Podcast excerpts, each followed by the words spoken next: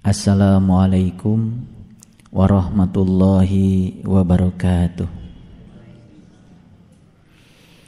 Alhamdulillahi rabbil alamin.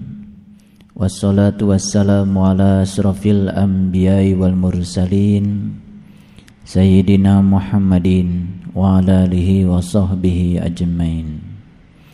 Ashhadu an la ilaha illallah al-malikul haqqul mubin وأشهد أن محمدا عبده ورسوله أشرف الأنبياء والمرسلين سيدنا محمد وعلى آله وصحبه أجمعين. سبحانك لا علم لنا إلا ما علمتنا إنك أنت العليم الحكيم. سبحانك اللهم ربنا وبحمدك Asyhadu an la ilaha illa anta. Astaghfiruka wa atubu ilaih Astaghfirullahaladzim Astaghfirullahaladzim Astaghfirullahaladzim Allazi la ilaha illa huwal hayyul qayyum wa atubu ilaih Min jami'il ma'asi wa zunub La haula wa la quwata illa billahil aliyyil azim.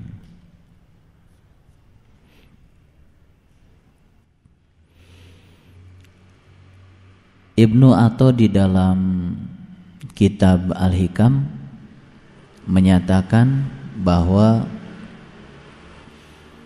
ilmu yang bermanfaat itu cirinya ada dua. Yang pertama, ilmu itu harus mampu melapangkan dada seseorang. Yang kedua, ilmu itu harus mampu menyingkap ketertutupan pandangan kolbu seseorang. Kalau menggunakan kriteria ilmu yang bermanfaat yang disampaikan oleh Ibnu Atho di dalam kitab Al-Hikam, tentu saja terlalu banyak ilmu yang tidak bermanfaat. Karena ilmu yang bermanfaat itu harus mampu melapangkan dada seseorang, artinya harus membuat seseorang memiliki kearifan, kebijakan, terbebas dari sifat fanatisme buta, sehingga dia memiliki pandangan yang lebih luas dan memiliki pandangan yang lebih universal. Umumnya orang belajar ilmu malah justru mendorong seseorang itu untuk merasa kalau dirinya yang paling tahu. Dan ketika dia belajar ilmu dan membuat dirinya yang paling tahu, lalu dia mulai menjustifikasi orang lain dan orang yang di luar dirinya dianggap salah. Lalu dia mulai menyerang sesuatu yang berbeda dengan dirinya dan itu adalah kesempitan dada itu. Itu adalah kesempitan ilmu. Berarti ilmu yang dipelajari termasuk kategori ilmu yang tidak bermanfaat. Yang kedua ilmu itu harus mampu menyingkap pandangan kolbu. Ilmu apa yang bisa menyingkap pandangan kolbu seseorang? Imam Al-Ghazali mengatakan dalam kitab Yaulumuddin ilmu yang dapat menyingkap pandangan kolbu seseorang adalah ilmu ketuhanan. Ilmu tentang Tuhan. Mudah-mudahan kita semua tidak terjebak untuk memiliki banyak ilmu sementara ilmu yang kita miliki itu ilmu yang membuat dada kita tambah sempit dan justru malah menutup pandangan kolbu kita sehingga kita semakin masuk pada lorong kegelapan. Mudah-mudahan ilmu-ilmu yang kita pelajari selama ini ilmu yang bermanfaat yang dapat menyingkap ya pandangan kolbu kita dan membuat kita semakin lapang. Salah satu ciri orang yang sudah lapang, salah satu cirinya adalah orang yang bersedia untuk menjadi pemaaf. Ternyata untuk menjadi seorang pemaaf itu tidak mudah. Setidak-tidaknya untuk menjadi pemaaf yang sejati dia harus memiliki 5 P yang pertama dia harus mampu memberikan pengakuan atas kesalahan yang dibuatnya. Yang kedua, P yang kedua dia harus mampu melakukan suatu tindakan penerimaan tanggung jawab atas kesalahan yang dibuatnya. Dan P yang ketiga tentu saja adalah penyesalan. P yang keempat adalah penggantian kerugian terhadap tindakan yang kita lakukan. Dan P yang kelima adalah pengulangan. Pengulangan yang dimaksud di sini adalah dia tidak akan mengulang lagi tindakan yang sama yang dapat menimbulkan kerugian kepada orang lain. Kita bersyukur di awal Ramadan dengan teknologi informasi saya juga bisa menerima begitu banyak SMS yang disampaikan oleh banyak jemaah yang menyampaikan mohon maaf lahir dan batin. Mudah-mudahan saja itu bukan bahasa Ramadan dan biasanya menjelang Idul Fitri juga akan diterima lagi ucapan yang sama. Mohon maaf lahir dan batin, selamat merayakan Idul Fitri. Mudah-mudahan itu juga bukan basa-basi lebaran.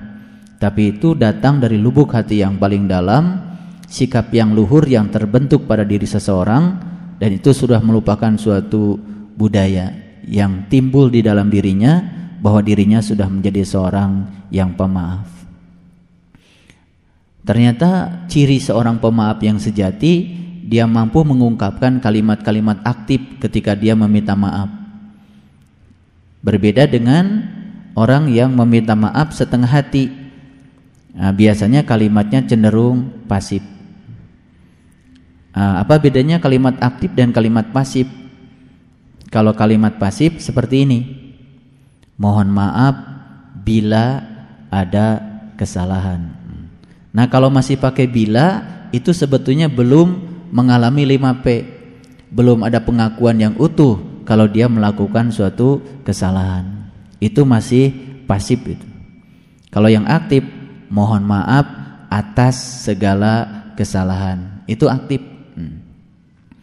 Jadi sebetulnya dari tulisan dan kalimat yang disampaikan, kalau dia sudah mencapai keluhuran budi atau belum, itu bisa dilihat dari ungkapan kalimatnya. Jadi kalau masih pakai kata bila, itu masih bersyarat. Kalau masih bersyarat, itu sebetulnya masih pasif. Kita belajar ilmu ilmu ketuhanan pada hakikatnya adalah untuk mengantarkan kita memiliki akhlak yang mulia. Salah satunya adalah kita menjadi seorang yang pemaaf. Menjadi pemaaf yang sejati ternyata tidak semudah membalikan telapak tangan karena diperlukan suatu perjuangan. Nah, ketika seseorang sudah sampai kepada Allah, sudah bisa melihat afalnya Allah, kalau Allah itu maha pengampun atas segalanya maka orang akan belajar dari sifat Allah dia pun akan mudah untuk menjadi seorang pemaaf mudah-mudahan saja ilmu yang kita pelajari mengantarkan kita untuk menjadi orang yang semacam itu jadi sebetulnya ilmu yang bermanfaat itu ilmu yang mengantarkan seseorang untuk memiliki suatu pandangan yang luas, pandangan yang universal. Di awal Ramadan terjadi perbedaan. Ada orang yang berkeyakinan bahwa untuk mengawali Ramadan itu tidak perlu dengan ru'yat, cukup dengan hisab. Tapi ada yang berkeyakinan bahwa untuk mengawali Ramadan harus dengan ru'yat. Yang di ru'yat itu namanya hilal. Hilal itu sebetulnya adalah awal terjadinya pergantian bulan. Kalau kita belajar Quran surat Al-Baqarah secara parsial, ayat demi ayat, tidak secara keseluruhan, secara kontekstual, secara keseluruhan surat Al-Baqarah, kita tidak akan pernah mendapatkan gambaran utuh tentang itu. Pada kesempatan yang penuh berkah ini, saya akan memberikan kajian kuliah yang agak mendalam untuk memberikan suatu keyakinan yang universal dan saya akan menunjukkan betapa Quran itu luar biasa. Kalau kita sudah sampai pada pemahaman yang universal, kita tidak akan lagi gontok-gontokan. perbedaan awal Ramadan, perbedaan akhir Ramadan, kalau kita sudah mencapai suatu pemahaman yang bersifat hakikat, tidak akan terjadi lagi. Semua yang terjadi karena kita semua masih di permukaan, masih di wilayah yang bersifat materi. Hisab itu materi, ru'yat juga materi. Kita semua semuanya ribut karena kita katanya untuk mengawali Ramadan harus melihat hilal. Yang namanya melihat pakai mata telanjang otomatis ada keterbatasan. Apalagi matanya sudah terkena positif atau negatif sudah pakai kacamata. Kacamatanya sendiri kan sudah membantu kelemahan mata karena aspek penuaan yang terjadi. Sel-sel di dalam mata kita juga perlahan mengalami kematian. Otomatis daya akomodasi mata lama kelamaan juga melemah. Sehingga harus dibantu dengan kacamata. Harusnya disadari sebetulnya tubuh kita semakin hari semakin melemah. Nah, lemahnya itu sampai harus dibantu dengan kacamata. Kadang ada orang yang tidak bisa melihat dekat, Kadang ada orang yang tidak bisa melihat jauh. Ada juga yang tidak bisa melihat dekat dan jauh dua-duanya. Sehingga harus dibantu dengan kacamata silindris. Ada positifnya, ada negatifnya. Semesta juga terus berubah. Kita tahu bahwa pemanasan global telah memicu ya es di kutub mencair. Kalau es di kutub mencair otomatis es itu akan menuju laut jumlah air di laut semakin hari semakin banyak. Dengan pemanasan global akibat suhu meningkat, otomatis peningkatan suhu akan mengakibatkan mudahnya air untuk menguap. Otomatis jumlah air yang menguap juga semakin semakin banyak. Kalau jumlah air yang menguap semakin banyak, otomatis awan yang menutupi bumi kita juga semakin banyak. Kalau awan menutupi bumi, otomatis penglihatan kita untuk melihat langit yang hijau pun, yang biru pun menjadi terhalang. Nah, apalagi kita bisa melihat pergantian bulan yang jauh. Kendala cuaca bisa menjadi penyebab utama. Dengan menggunakan teknologi secanggih apa pun, kita tidak akan pernah bisa menyaksikannya. Dan semua ilmuwan bersepakat untuk menyatakan bahwa tahun ini mereka tidak mampu melihat hilal sekalipun dengan peralatan yang canggih. Jadi kalau ada di suatu daerah tertentu mengklaim dengan mata telanjang dia bisa melihat hilal, itu juga sudah merupakan suatu pelanggaran menurut saya dan itu patut untuk diragukan.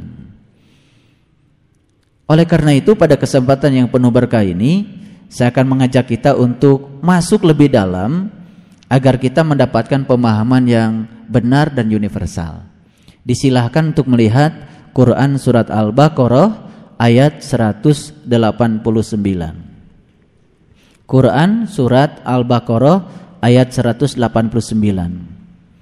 Ini adalah pintu gerbang awalnya sebelum kita memasuki ayat-ayat lain yang lebih dalam. Tentu saja saya tidak mungkin menjelaskan ya Quran surat Al-Baqarah semuanya pada kesempatan kajian kali ini.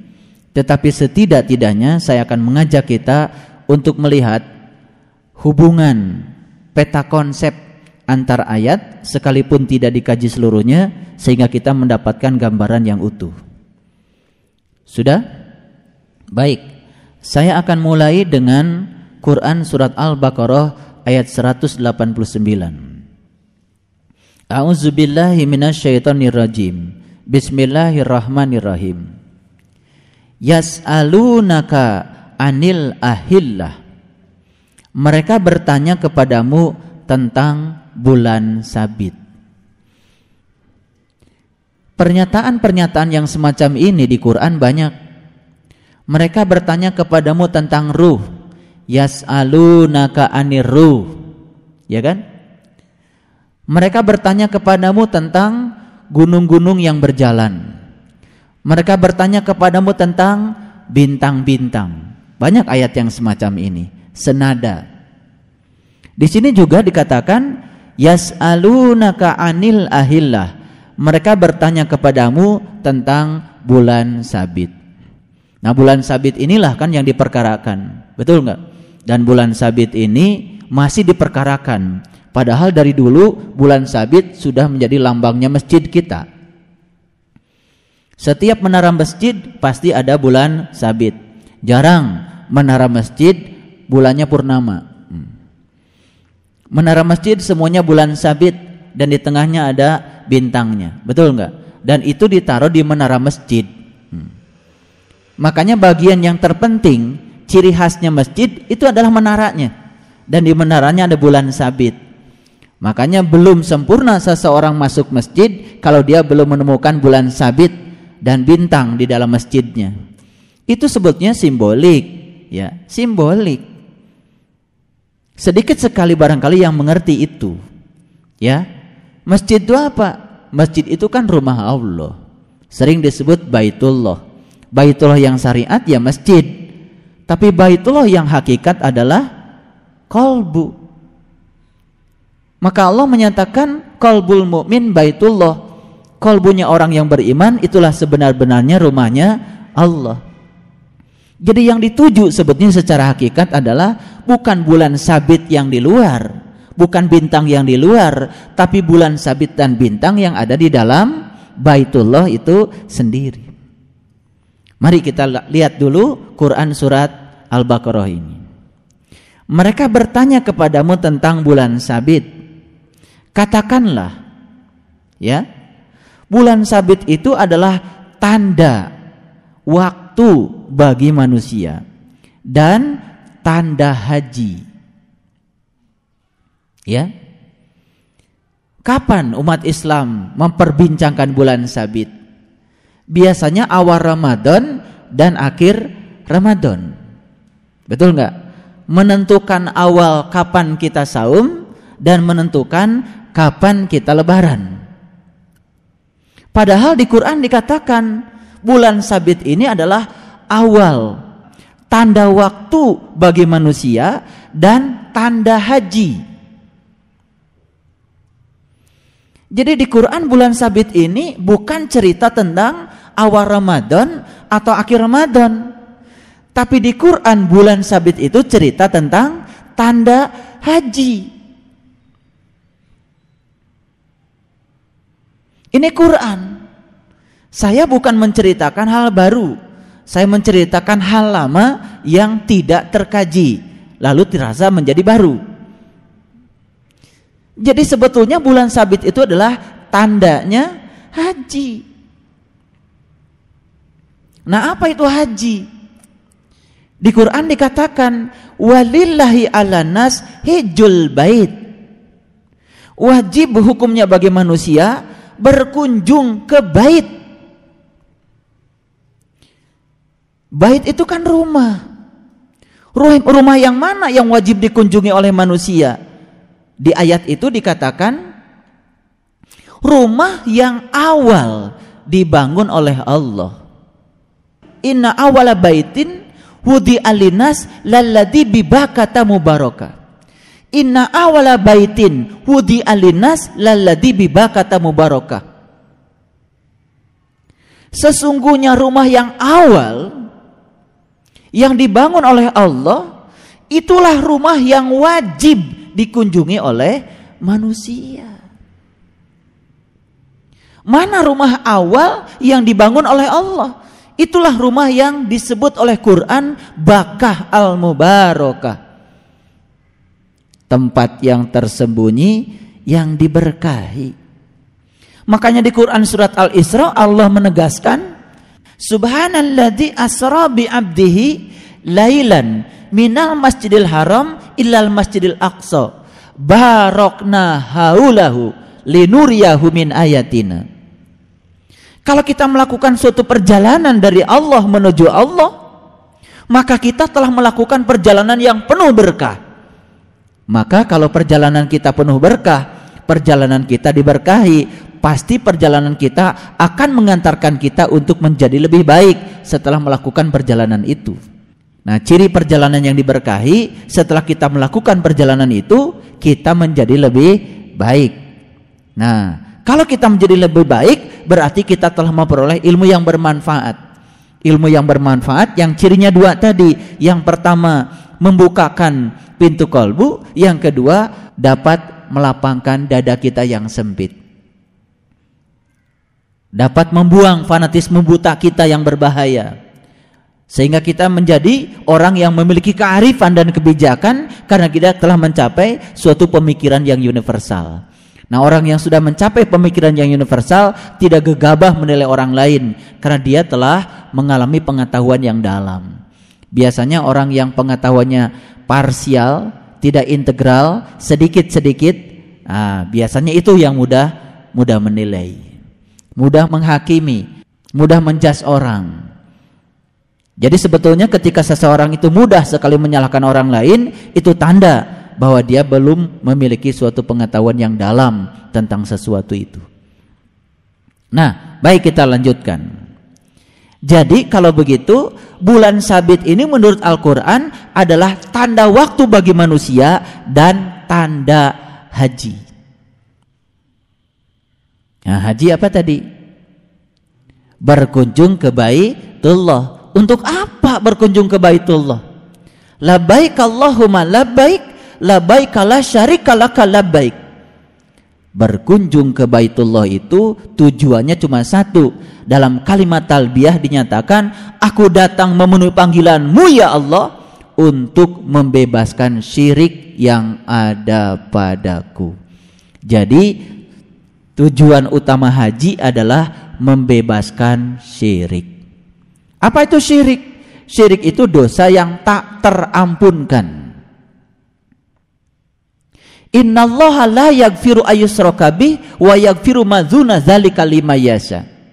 Sesungguhnya Allah tidak akan pernah mengampuni dosa syirik, tapi Allah akan mengampuni dosa apa pun asal jangan dosa syirik. Jadi dosa syirik itu adalah dosa yang tidak terampunkan kalau dosa itu terbawa sampai kita mati. Berarti dalam kehidupan kita sebelum mati kita harus bebaskan diri kita dari dosa syirik. Syirik itu artinya menduakan Tuhan. Gara-gara apa menduakan Tuhan? Tentu saja gara-gara dia tidak tahu dan kenal kepada Tuhan, lalu dia mempersepsi tentang Tuhan, mengkonsepsikan tentang Tuhan, lalu yang dia sebut Tuhan adalah yang dikonsepsikan oleh pikirannya karena dia belum merasakan kehadirannya dan dia belum merasakan pengalaman spiritual untuk masuk ke dalam baitnya. Kalau orang yang sudah masuk ke dalam baitullah itu, dia tidak bisa mengkonsepsikan Tuhan lagi karena dia sudah nyata senyata-nyatanya mengalami Tuhan di dalam rumahnya Tuhan. Oleh karena itu, untuk membebaskan dosa syirik, kita masuk pada baitullah. Setelah masuk pada baitullah, kita dapat mengalami suatu pengalaman spiritual tentang Tuhan yang tidak bisa dijelaskan, tidak bisa diceritakan, karena memang tidak bisa dijelaskan, diceritakan, tapi dialami langsung oleh pengalaman spiritualnya. Setelah dia mengalami itu, maka dia bisa membebaskan dosa syirik karena dia telah mengawali agama dengan ma'rifatullah. Jadi sebetulnya bulan sabit itu adalah tanda bagi manusia dan tanda untuk melaksanakan haji. Lah, kalau begitu apa hubungannya bulan sabit dengan haji? Ini tidak bisa dijelaskan dengan ilmu palak. Tidak bisa dijelaskan dengan ilmu fisika karena ini sebetulnya ilmu pengalaman, ilmu spiritual. Jadi ketika kita masuk ke rumahnya dan kita tahu tata cara masuknya ke rumahnya, saat pertama kita masuk ke rumahnya, yang kita saksikan tentu saja bulan sabit. Kadang di sebelah kanan satu, kadang di sebelah kiri satu. Setelah itu kemudian menyatu dan menjadi purnama. Jadi bulan sabit itu adalah awal pengalaman spiritual. Bulan sabit itu adalah awalnya iman seseorang. Makanya ketika Nabi Musa menyaksikan tajali Tuhan di dalam puncak kesadarannya dengan pandangan kolbunya, saat itulah awal imannya Musa. Saat itu yang disaksikan adalah bulan sabit. Awalnya bulan. Makanya di dalam hadis yang sangat sahih, ketika Nabi Muhammad dengan para sahabat sedang menyaksikan bulan purnama, Nabi mengatakan pada para sahabat, "Kelak kamu akan menyaksikan Tuhanmu seperti kamu menyaksikan bulan purnama. Kalau sudah purnama, itu sudah sempurna." Jadi bulan sabit ini harus dilihat oleh orang yang beriman sebelum dia puasa. Makanya perintah saum diperuntukkan untuk mereka yang beriman. Ya ayyuhalladzina amanu kutiba alaikumusiyam. Hai orang-orang yang beriman, wajib hukumnya bagi kamu untuk melaksanakan siam.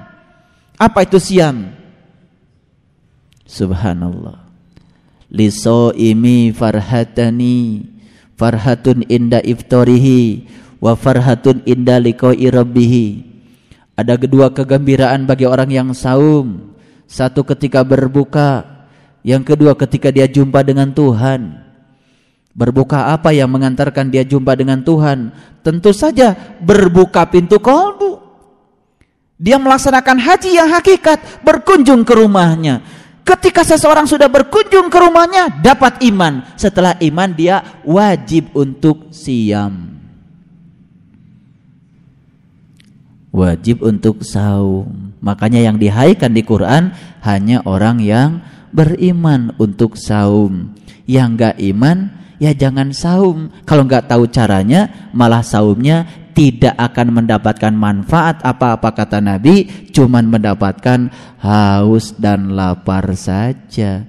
Tidak bisa mengantarkan seseorang untuk liko arobihi untuk jumpa dengan Tuhan. Sebagaimana janji saya tadi, saya akan memberikan kajian yang dalam hari ini supaya kita punya pemahaman. Jadi kalau mengawali Ramadan harus melihat bulan sabit. Melihatnya tidak keluar ternyata, tidak perlu pakai teleskop. Melihatnya ke dalam.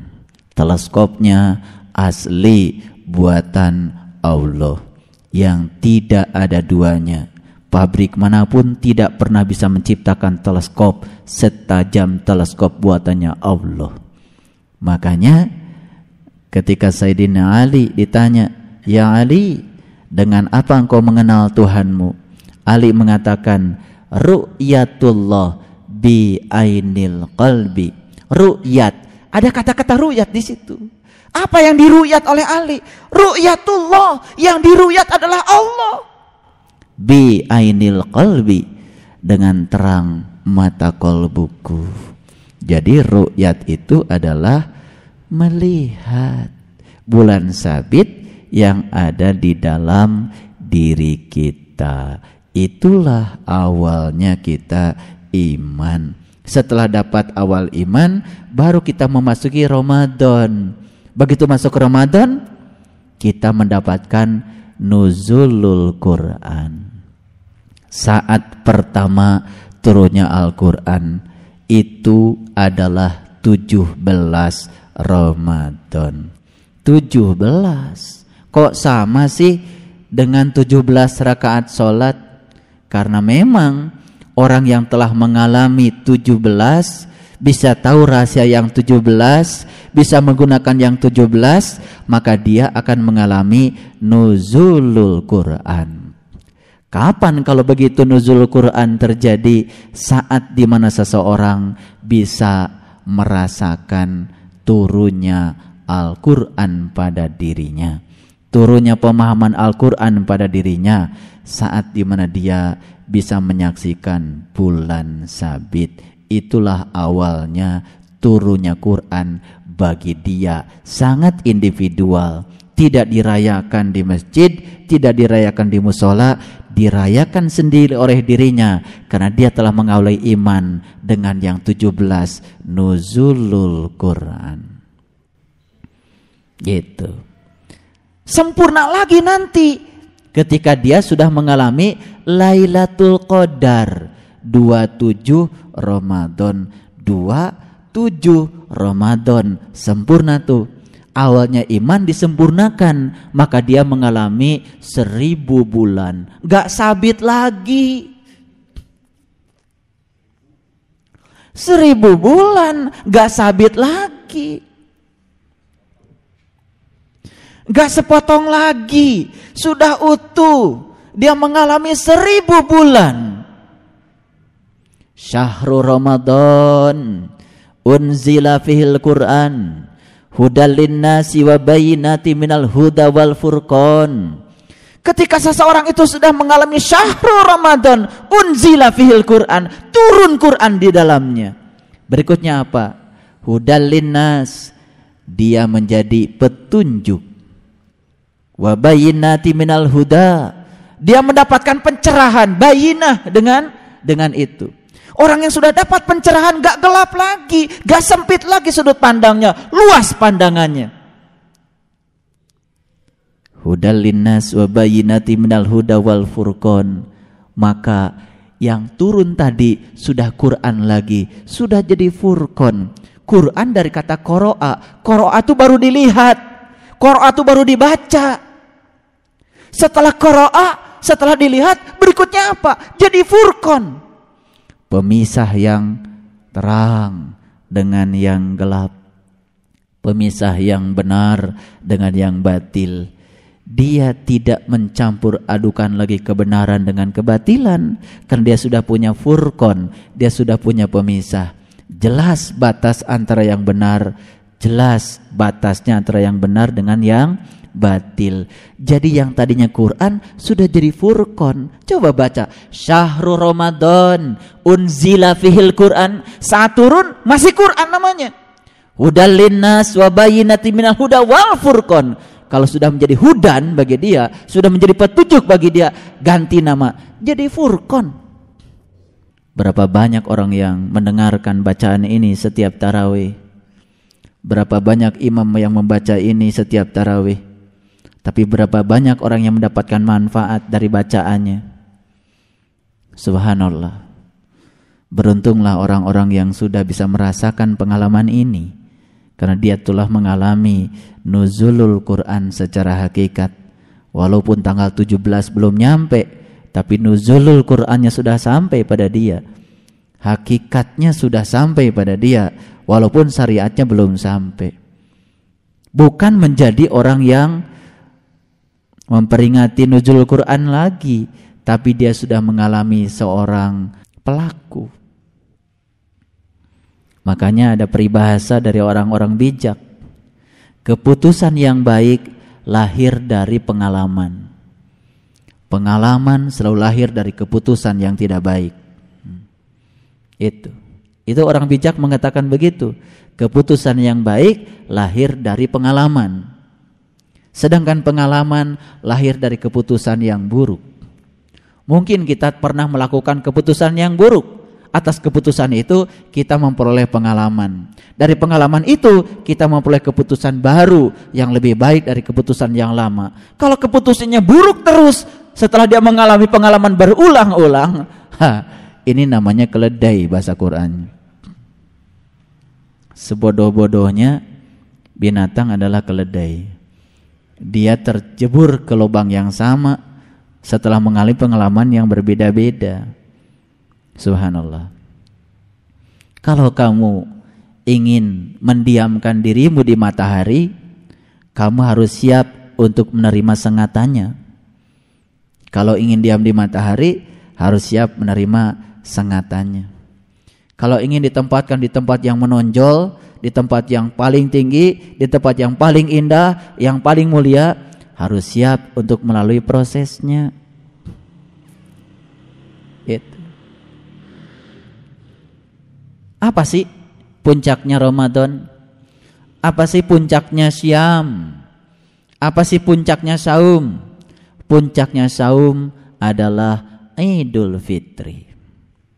Makanya Nabi berdoa, "Ja'alnallahu minal aidin wal faizin." Semoga Anda semua dijadikan oleh Allah orang-orang yang kembali dan memperoleh kemenangan. Siapa orang yang kembali dan memperoleh kemenangan itu?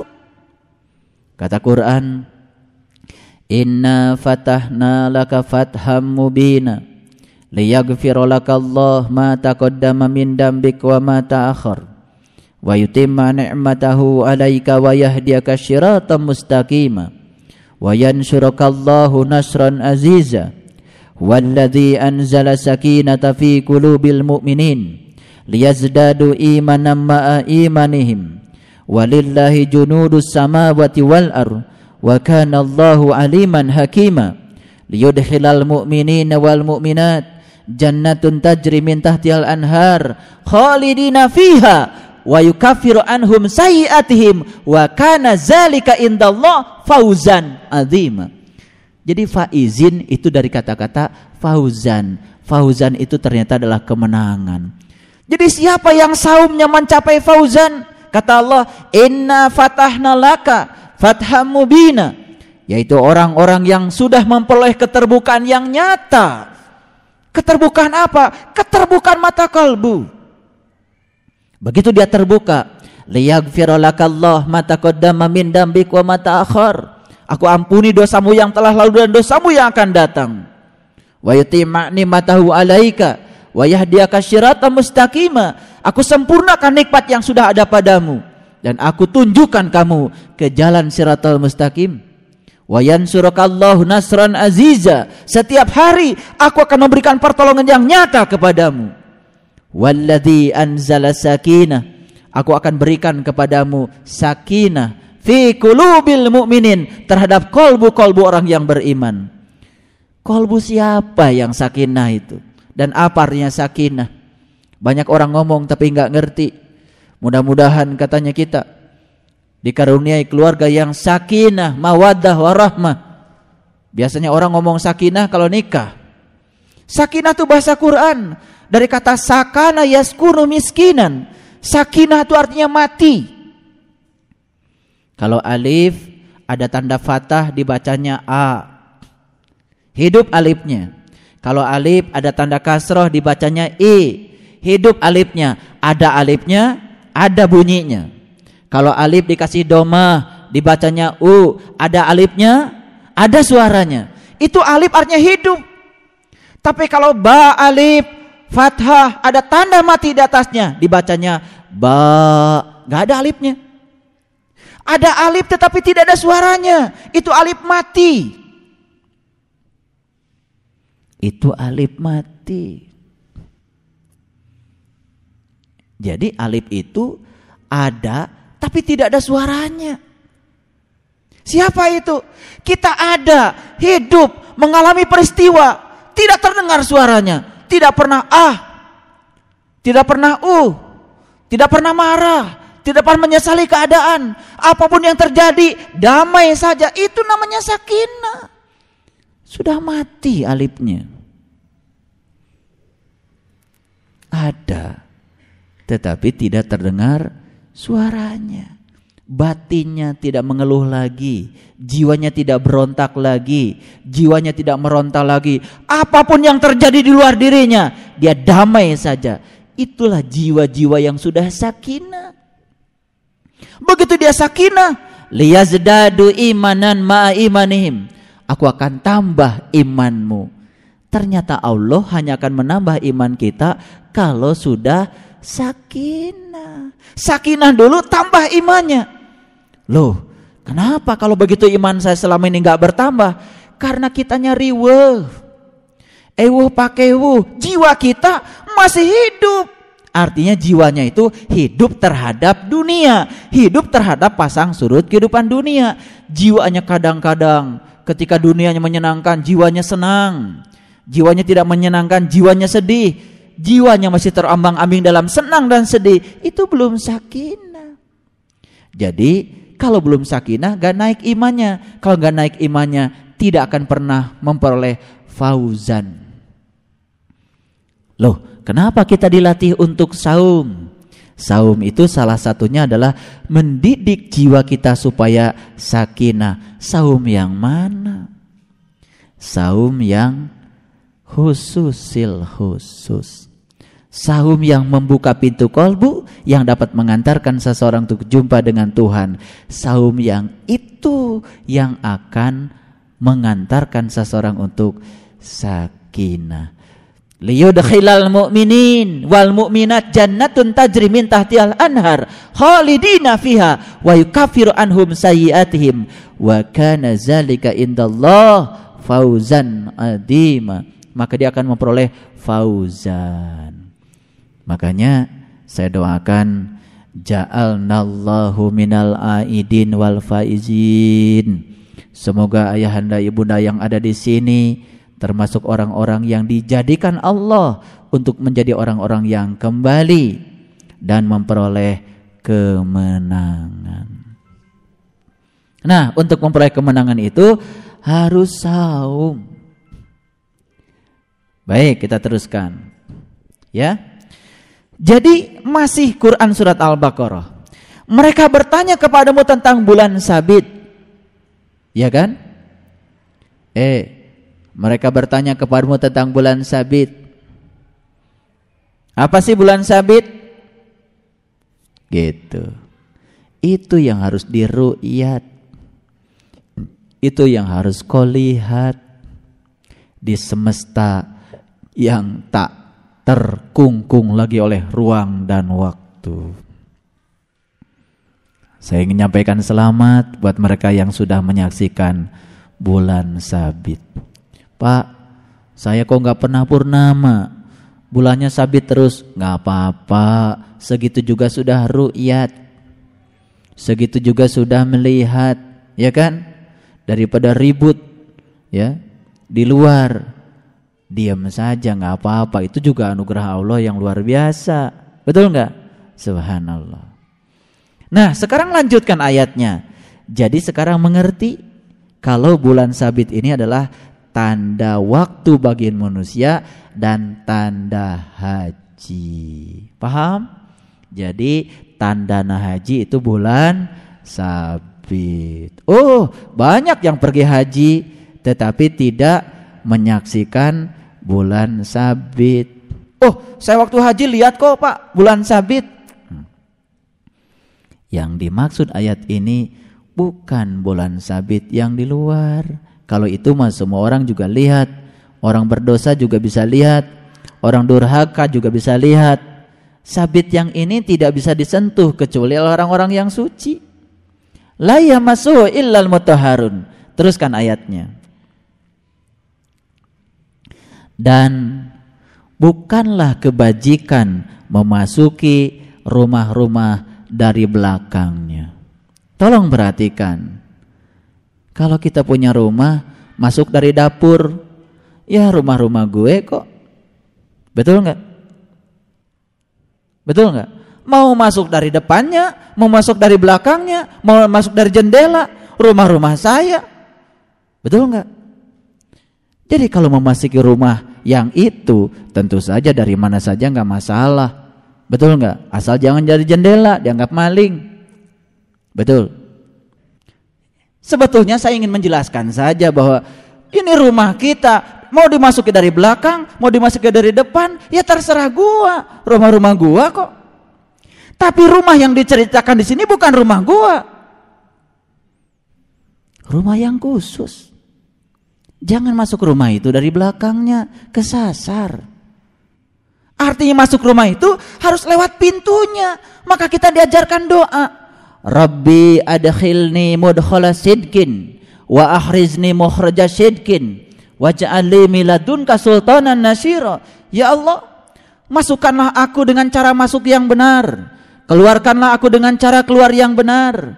Dan berikanlah kepadaku kekuatan-kekuatan yang menolong. Apa sih kekuatan yang menolong kita supaya kita masuk dengan cara yang benar? Kekuatan yang menolong cuma satu, ilmu. Mereka yang tahu ilmunya, yang tahu caranya akan masuk rumah itu dengan cara yang benar, lewat pintu yang benar. Tapi orang yang tidak tahu ilmunya, tidak tahu caranya, dia masuk ke rumah itu lewat pintu yang tidak benar. Akibatnya bahasa Qurannya dia lewat pintu belakang, bukan suatu kebajikan. Kalau kamu masuk rumah lewat pintu belakang, lewat jalan belakang, bukan lewat jalan yang dihalalkan oleh Allah. Teruskan ayatnya. Akan tetapi kebajikan itu adalah kebajikan orang-orang yang bertakwa. Subhanallah. Jadi kebajikan itu adalah kebajikan orang-orang yang bertakwa. Siapa orang yang bertakwa? Ya orang yang saum. Nyambung sekarang. Ya ayyuhalladzina amanu kutiba alaikumusiyam kama kutiba alal ladzina min qablikum la'allakum tatakun. Ketika orang yang beriman ini saum, takwa dia.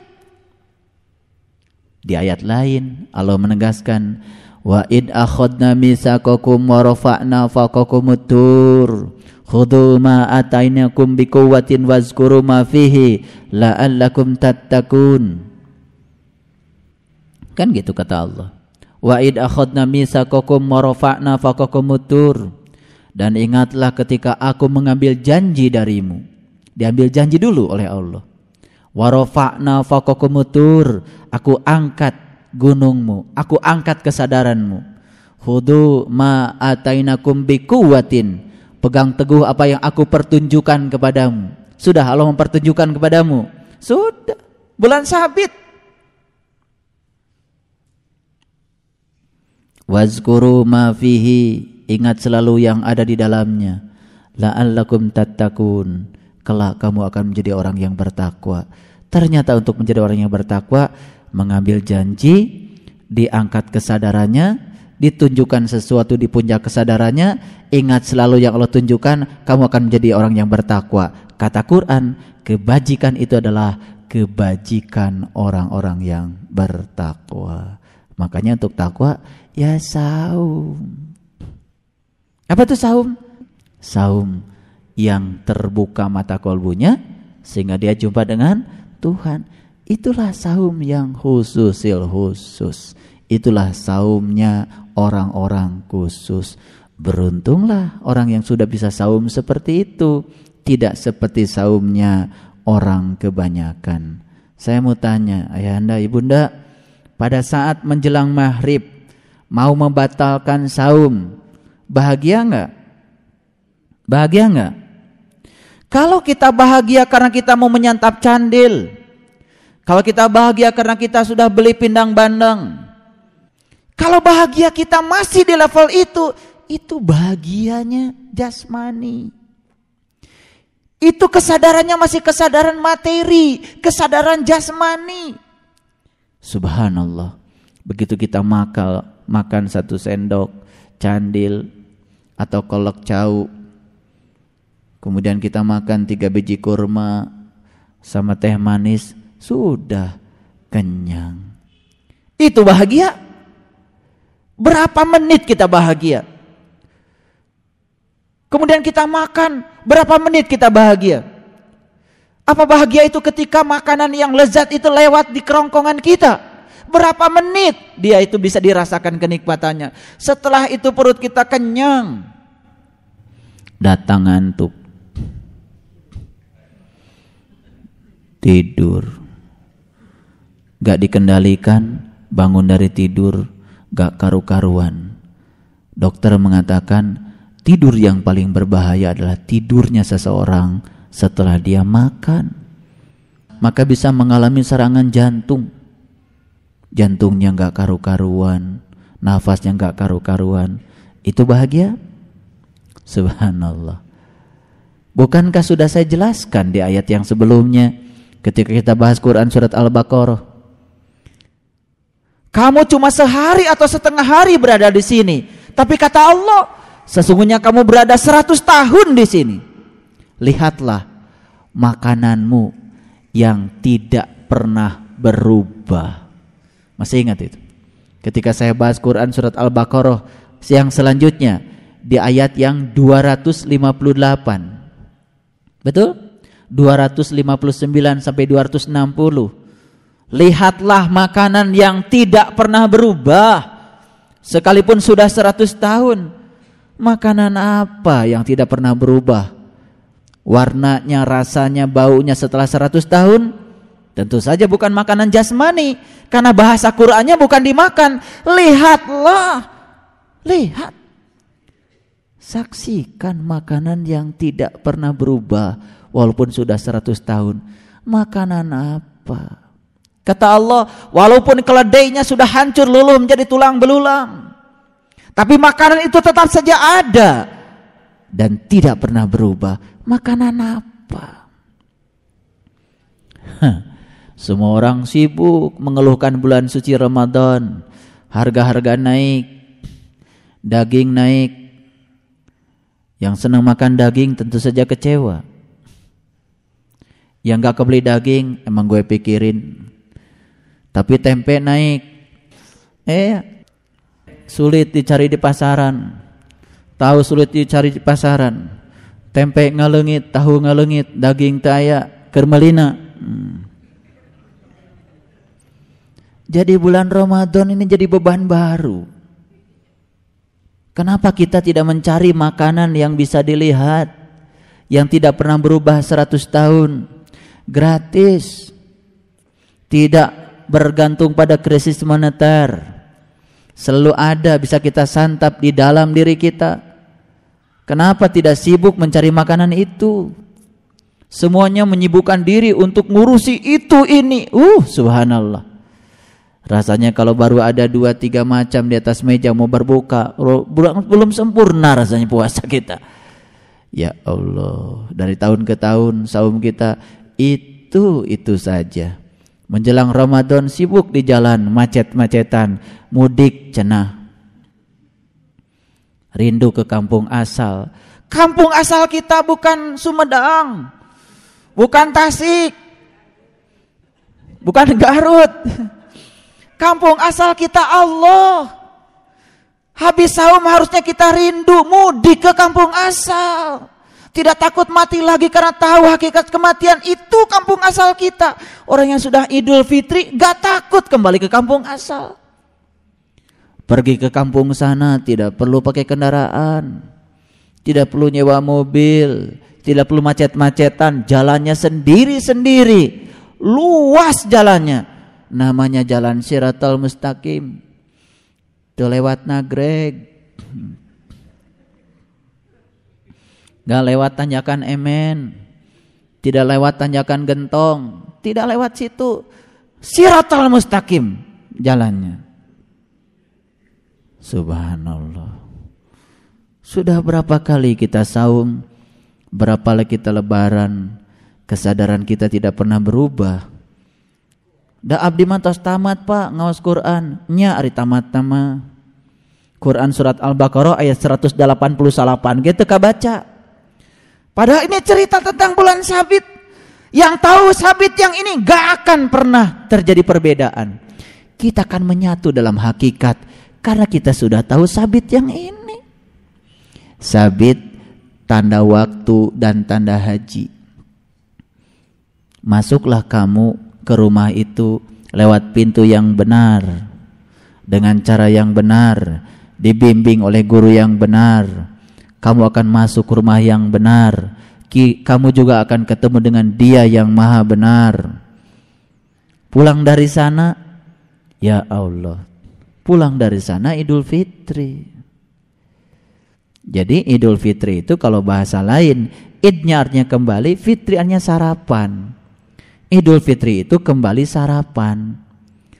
Nah, jadi awalnya kita itu sudah sempurna dulu, tapi dalam kehidupan kita karena kita tergoda oleh urusan-urusan dunia, gelap tuh, tidak bisa mengingat yang asal. Kembali lagi pada yang asal, awalnya kan sarapan dulu.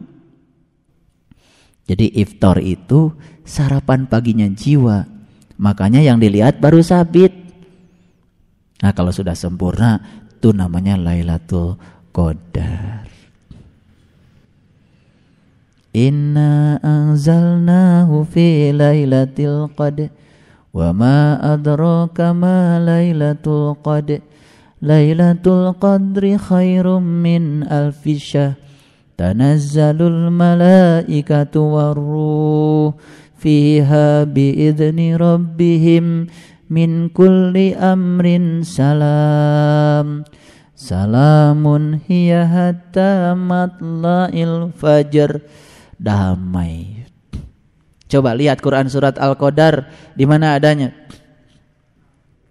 Wadduha wal-laili idza saja ma waddaka rabbuka wa ma qala walal akhiratu khairul laka minal ula. Terus setelah itu alam nasrah laka sadrak wa wada'na anka wizrak alladzi anqadha.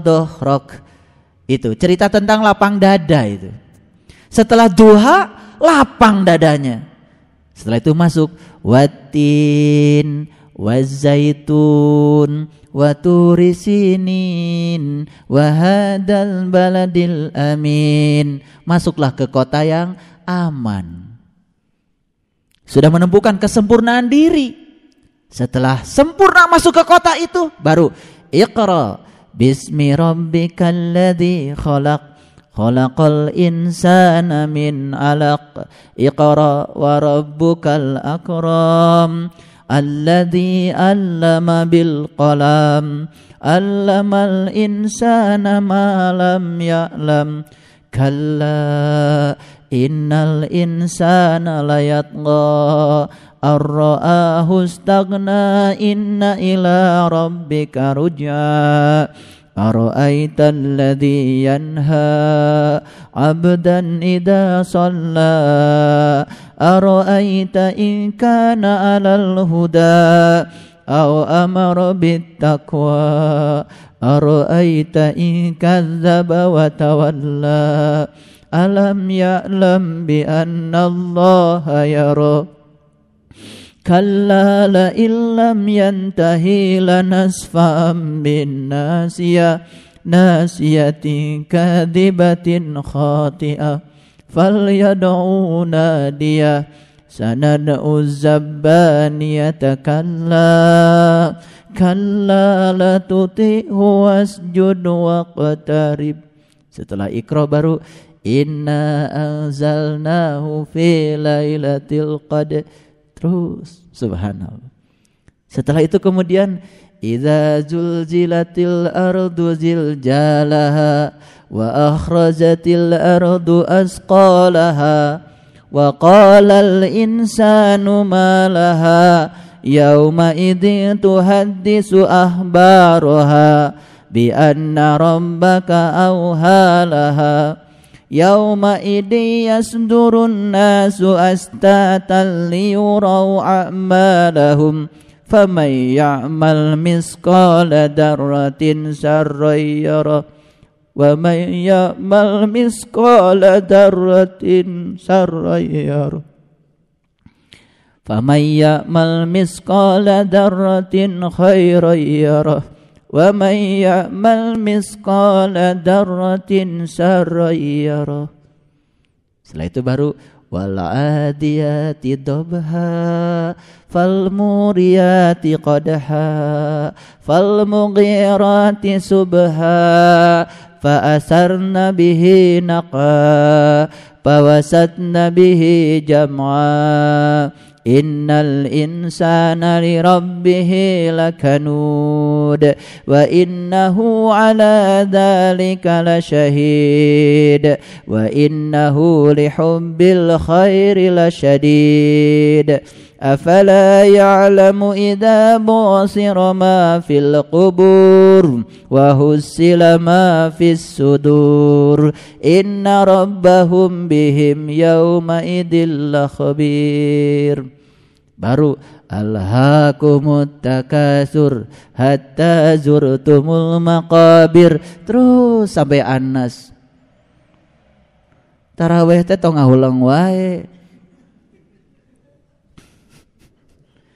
Imam baca itu baca ini itu ngerti itu urutan baca itu luar biasa kalau ngerti Subhanallah. Kalau saya jelaskan dari dari Aduha sampai Anas, uh indah, nggak cukup waktunya. Hmm. Baru dibacakan saja sudah terasa getarannya. Belum ngerti. Gimana kalau sudah tahu Aduha, Alam Nasroh, Atin, Kenapa ikra sebelum inna anzalnahu fi lailatul qadr? untuk memasuki seribu bulan itu engkau harus ikro. Siapa yang diikro? Bismi rabbikal ladzi khalaq. Awalah ikro pada ru'yatullah bi ainil qalbi. Terus ke sana, subhanallah. Coba, kenapa urutannya seperti itu? Saya kalau lagi tarawih sendiri, saya nikmati. Saya nikmati setiap kalimat, setiap huruf. Kenapa Nabi kalau tarawih itu disunahkan malam? Bahkan Nabi lebih suka sendiri. Saya bukan mengatakan bahwa Bapak Ibu harus sendiri. Aneh memang kita itu. Sholat berjamaah yang harusnya bareng, gak bareng. Sholat sunat tarawih yang harusnya sendiri, bareng. Jadi kalau nggak tarawih itu bareng-bareng di masjid rasanya nggak sempurna. Padahal itu kesempatan bagi kita untuk melakukan refleksi ke dalam. Coba baca dari awal. Ah, saya mau tarawihnya Al-Baqarah saja. Kalau di masjid kan nggak bisa nikmatin bareng-bareng dengan orang. Sekali-kali ke masjid nggak apa-apa biar tahu silaturahim. Baca Al-Baqarah dari awal. Rakaat pertama penggal sampai mana, rakaat kedua penggal sampai mana. Uh, luar biasa. Jadi setiap malam kita ganti ayatnya, kita ganti suratnya, mengalami suatu transformasi baru spiritual kita. Tiga hari Ramadan saja sudah terasa dampaknya. Betapa luar biasa. Quran tuh nggak perlu dihafal. Lama kalau kita menjadi hafiz kalau kita sering menggunakannya. Karena Quran itu memiliki suatu memiliki suatu apa ya? Sulit saya menyebutnya tetapi yang jelas saya tidak berusaha untuk menghafalnya. Tapi karena sering kita akrabi Quran dibaca setiap kali kita melaksanakan sholat ganti-ganti suratnya lama kelamaan juga hafal insya Allah baik dan bukanlah kebajikan memasuki rumah dari belakangnya akan tetapi kebajikan itu ialah kebajikan orang yang bertakwa. Jadi pantas kata Allah, "Inna akramakum indallahi atqakum." Sesungguhnya yang paling mulia dalam pandangan Allah adalah orang-orang yang bertakwa. Makanya kalau mau takwa, saum. Metode saum yang khusus-khusus mengambil janji, diangkat kesadarannya, ditunjukkan sesuatu di puncak kesadarannya, ingat selalu kau akan menjadi orang yang bertakwa. Ayanda ibunda berapa banyak orang yang saum tapi tidak mengerti apa sesungguhnya saum. Makanya saum itu kata hadis segerakan berbuka dan akhirkan imsak Oh, taat pisan. Kade eta ulah bisa kapiheulaan. Maghrib belum, lima menit lagi gelas sudah di tangan kiri. Kolok di tangan kanan. Nah, mana sibuk itu? Sunnah, Pak. Ayah hadis, Pak. Segerakan berbuka. Dikira dia segerakan berbuka itu segerakan makan kolak. Segerakan berbuka. Mumpung masih hidup, bukalah pintu kolbunya sekarang juga, jangan nunggu besok atau lusa. Akhirkan imsak. Imsak itu artinya menahan. Kalau sudah dibuka, tahan. Sampai sempurna purnamanya. Segerakan berbuka, akhirkan imsak. Imsak artinya menahan, tahan hela atuh. tengarti wae tiba lah segerakan berbuka akhirnya bisa keheula kakra jam opat hmm. kewes tengah genep jadi betul-betul kita tuh taat lihat jadwal imsak jam 4 lewat 35 jam 4 lewat 30 ke arah hudang Kenapa kakara udang? Sunnah pak. Ada hadis lagi yang mengatakan orang yang saum itu tidurnya saja ibadah. Uh, sadayana ngomong sama di TV di radio. Sarwa ngorok. Saum yang mana? Kan di Quran surat Al-Kahfi, kamu mengira mereka itu bangun, pada mereka tidur. Kami bolak-malikan mereka ke kanan dan ke kiri, sedang kedua lengan anjing mengunjur di muka pintu gua. Tidur itu ketika kedua lengan mengunjur di puntak pintu gua. Itu tidur, itu yang ibadah. Itulah saum yang tidurnya ibadah.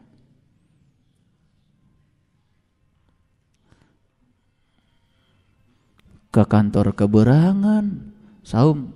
Nah eh dan saum ibadah. Saya tanya teman saya kemarin di kantor eh kan pelatihan jam 7 pak mulainya. Jam 9 baru datang. Keberangan pak? Hmm, nah. Eh kosta apa hadis nawai hmm. oh hebat bapak mah. Abdi mah ngerti hadis itu. Ya pokoknya jadwal pelatihan jam 7 saya datang jam 7 jadi seakan-akan puasa itu harus mentoleransi semua kesalahan kita. Jadwal PNS kurangi sejam. Kenapa bukan ditambah? Aneh jadinya. Ya kan? Hmm. Pengajian libur. Hmm. Rek mana? Rek kolak sebar rantang. Hmm. Aneh-aneh wae. Ya, jadi kata Allah, dan masuklah ke rumah-rumah itu dari pintu-pintunya. Tengarti. Dan bertakwalah kepada Allah agar kamu beruntung. Jadi ternyata masuk ke rumah itu harus lewat pintunya. Itulah orang yang bertakwa. Itu orang yang beruntung. Bayangkan Bapak Ibu, bagaimana kalau saya kaji Quran surat Al-Baqarah dari ayat 1 sampai ayat yang terakhir. Baru 189 saja kita sudah dapat pencerahan. Oh itu ternyata sabit.